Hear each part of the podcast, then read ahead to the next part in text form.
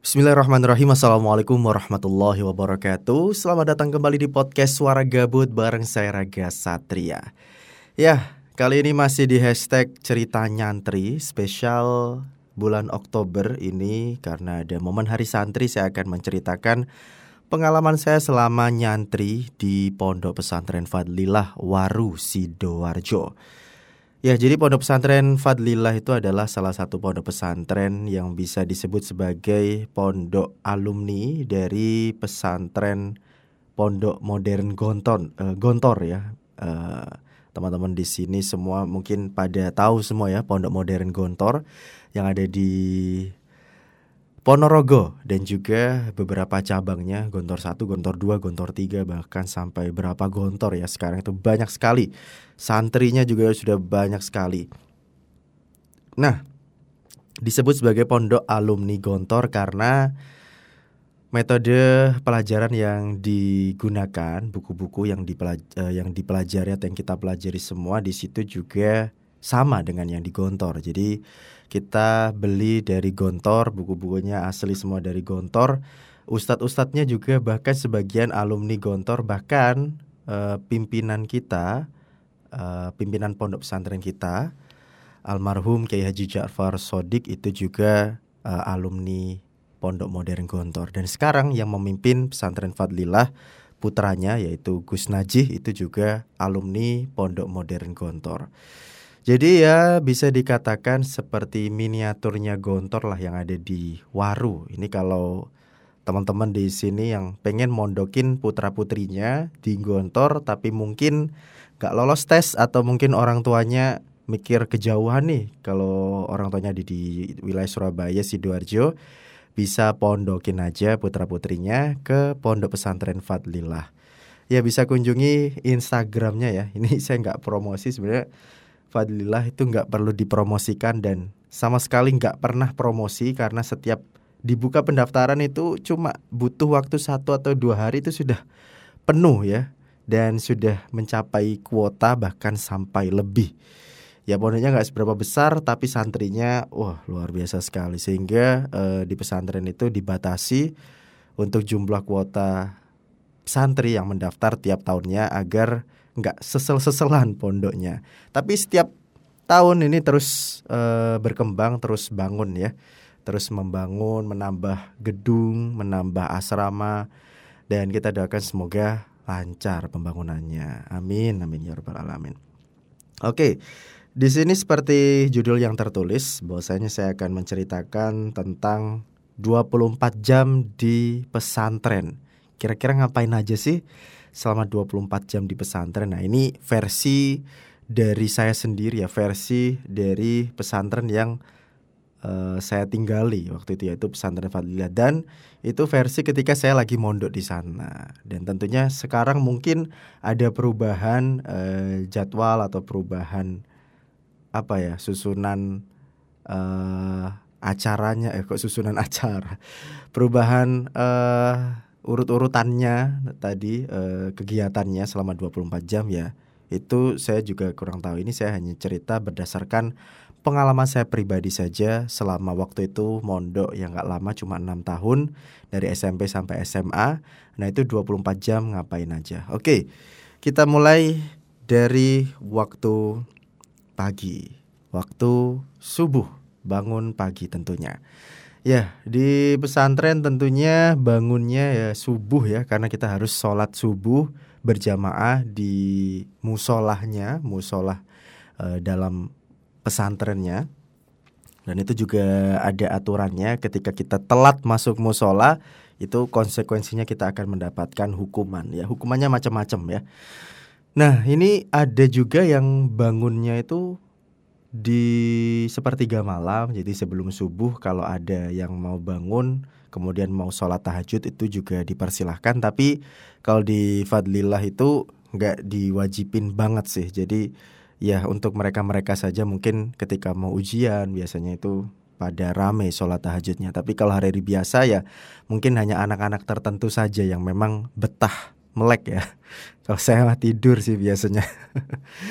ya itu. Jadi bangun subuh sebelum subuh ya bahkan ya karena uh, sekitar subuhnya misalnya kalau sekarang ya sebelum jam 4 ya anggap aja jam 4 ya nah itu jam 4 kurang atau jam setengah 4 itu kita sudah dibangunin sama yang namanya kakak-kakak mudabir atau kakak-kakak pengurus ya. Kalau di sekolahan biasa mungkin namanya osis gitu ya. Nah kalau di pesantren itu mudabir atau OPPF nah, organisasinya kalau di tempat saya. Karena Fadlilah kalau di Gontor itu OPPM Pondok Modern. M-nya itu modern kalau di tempat saya Fadlilah OPPF nah itu dibangunin semua santrinya dari kamar per kamar itu semua pengurusnya pada berpencar bangunin semua. Pertama banguninnya ada tahapan-tahapannya. Pertama bangunin dengan harus eh kum kum kum jamian kum jamian.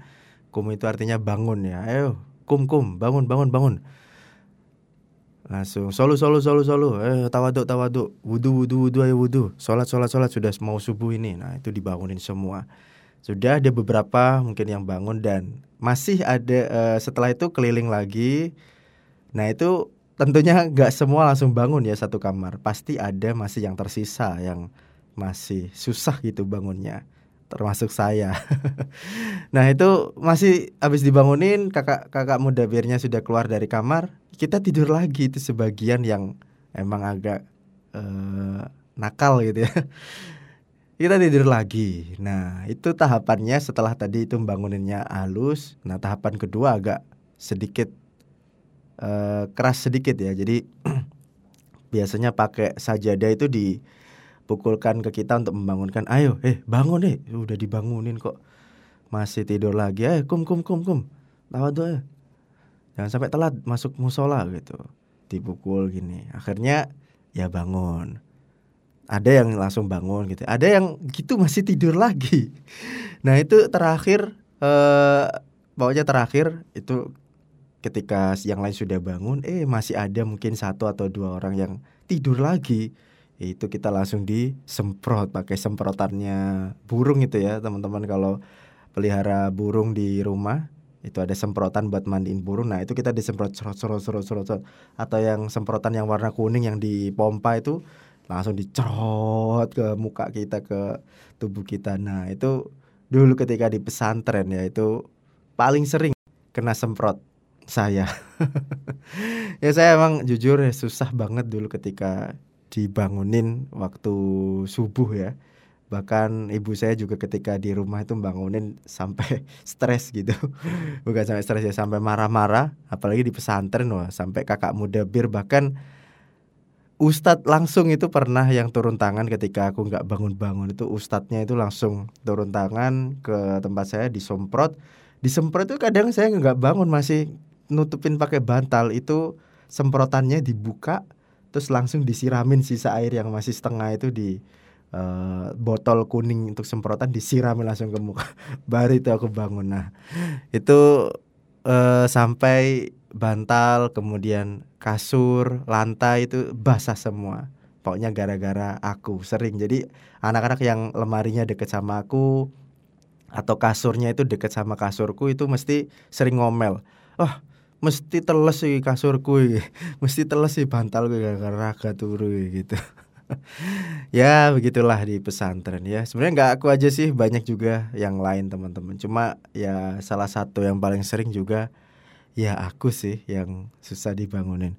Oke kemudian setelah bangun kemudian sholat subuh berjamaah. Nah tadi kalau ada yang telat masuk musolahnya itu dapat kena hukuman macam-macam hukumannya ada yang push up ada yang Scott jam dan lain-lain. Pokoknya membuat kita sehat lah hukumannya itu. Cowok ya, kalau cewek beda lagi nanti hukumannya. Nah ini ini saya cerita di pesantren cowok ya, karena saya juga nggak pernah mondok di pesantren cewek. Ya. Mungkin kapan-kapan aku ajak ngobrol istriku deh buat nyeritain gimana di pesantren ceweknya. Oke, di habis subuh kemudian sholat subuh berjamaah. Setelah sholat subuh berjamaah, kita zikir. Setelah zikir, nah itu nggak langsung balik lagi ke kamar tapi ada kegiatan yang namanya mufrodat atau penambahan kosakata. Nah, ini kan karena di pesantren tempat saya itu itu adalah pesantren bilingual yaitu menggunakan bahasa Arab dan juga bahasa Inggris untuk bahasa sehari-hari. Jadi ketika bercakap-cakap itu pakai bahasa Arab dan juga bahasa Inggris. Ada jadwalnya ya, kalau nggak salah dua minggu bahasa Arab, kemudian dua minggu kemudian bahasa Inggris dan dua minggu berikutnya bahasa Arab. Kadang tergantung kebijakan mudabir masing-masing ya, karena periode mudabir itu bergantian. Kadang ketika periodenya kakak ini itu seminggu Arab, seminggu Inggris. Kadang periode kakak yang lain itu lima hari Arab, kemudian dua hari Inggris ya, macam-macam tergantung kebijakan dari bagian penggerak bahasa dari mudabirnya. Nah itu setiap habis subuh kita kemudian ambil buku di kamar, ambil ballpoint, bukunya ada khusus untuk mencatat uh, vocabulary. Kalau di bahasa Inggris vocab ya, vocabulary atau di bahasa Arabnya al-mufradat. Nah, itu untuk mencatat kosakata kosakata baru yang akan dibagikan oleh kakak-kakak muda bir. Jadi kita dibagi ke beberapa kelas, kita dibagi biasanya per kamar sih. Nah, itu kamar satu, kamar dua, kamar tiga itu jadi satu kelas. Kemudian kakak muda birnya memberikan kosakata baru untuk kita. Misal kita yang uh, jadi tiap-tiap kelas juga beda sih ya. Oh, ini per kelas sih, per kelas.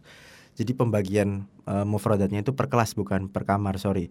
Jadi antara kelas 1, kelas 2, kelas 3 SMP, kemudian kelas 4, kelas 4 itu kelas 1 SMA ya, sampai kelas 6 yaitu 3 SMA itu beda-beda tingkatan mufradatnya. Jadi yang lebih senior tentunya kosakata yang kosakata yang lebih uh, susah. Kalau yang masih awal-awal ya kosakata yang ada di sekitar kita dulu kayak misal sikat gigi, kemudian uh, gayung gitu ya. Kemudian apa yang ada di sekitar kita lah pokoknya itu. Nah itu kita eh, mendapat kosakata baru kita catat di buku khusus kemudian kita lafalkan dengan bersama-sama dan teriak. Nah teriak ini membuat kita menjadi lebih cepat hafal itu kata teorinya para guru-guru yang ada di pesantren. Jadi eh, disebutkan bareng-bareng misalnya kosakata uh, gayung ya atau mighrofatun gitu. Jadi kulu jama'atan mighrofatun. Kemudian semua anak-anak mengikuti bersama-sama mighrofatun. Wahid Kaman, mighrofatun, mighrofatun gitu. Pokoknya diikuti semua sampai tiga kali atau lima kali. Baru setelah disebutkan, baru kemudian ditulis. Tulisannya seperti apa? Mim, ghain, ro, fa, kemudian ta. Nah, setelah ditulis, kemudian uh, kita disuruh untuk membuat kalimat dari kata tersebut. Misalnya migrofa atau gayung tadi, kalimat apa yang bisa kita buat? Saya mandi menggunakan uh, gayung. Nah, jadi ana astahim bil mighrofa gitu. Jadi contohnya kayak gitu lah. Pokoknya kita harus mengaplikasikan ke kalimat yang akan kita gunakan nanti. Nah, jadi setiap hari biasanya kita ketambahan dua atau satu mufrodat. Dua itu biasanya kalau mufrodatnya pendek-pendek kayak kosakata gayung gitu ya. Kalau kadang ada yang agak panjang juga. Nah, itu atau agak susah gitu kalimatnya atau kata-katanya. Nah, itu biasanya cukup satu sehari. Seperti itu. Oke, nah ini kayaknya sudah menit ke-13. Jadi nanti saya sambung aja di pertemuan berikutnya. Ini kita selesai dulu. Jadi ini masih pagi ya, masih di sesi pagi. Selanjutnya bisa Anda ikuti terus teman-teman sobat gabut di podcast Suara Gabut. Yang belum follow di podcast Suara Gabut ya di Spotify, silakan bisa di follow. Jangan lupa tekan tombol loncengnya biar teman-teman bisa dapetin update notifikasi terbaru. Kalau nggak mau follow ya nggak mau uh, tekan tombol loncengnya juga nggak masalah. Yang penting dengerin aja, nggak mau dengerin juga nggak apa-apa. Ini saya cuma ingin sharing-sharing aja untuk dokumentasi saya aja dan sekedar nostalgia ya dengan masa-masa di pesantren. Oke, terima kasih sudah dengerin Suara Gabut. Saya Raga Satria pamit. Kita lanjut di episode selanjutnya cerita nyantri. Wassalamualaikum warahmatullahi wabarakatuh.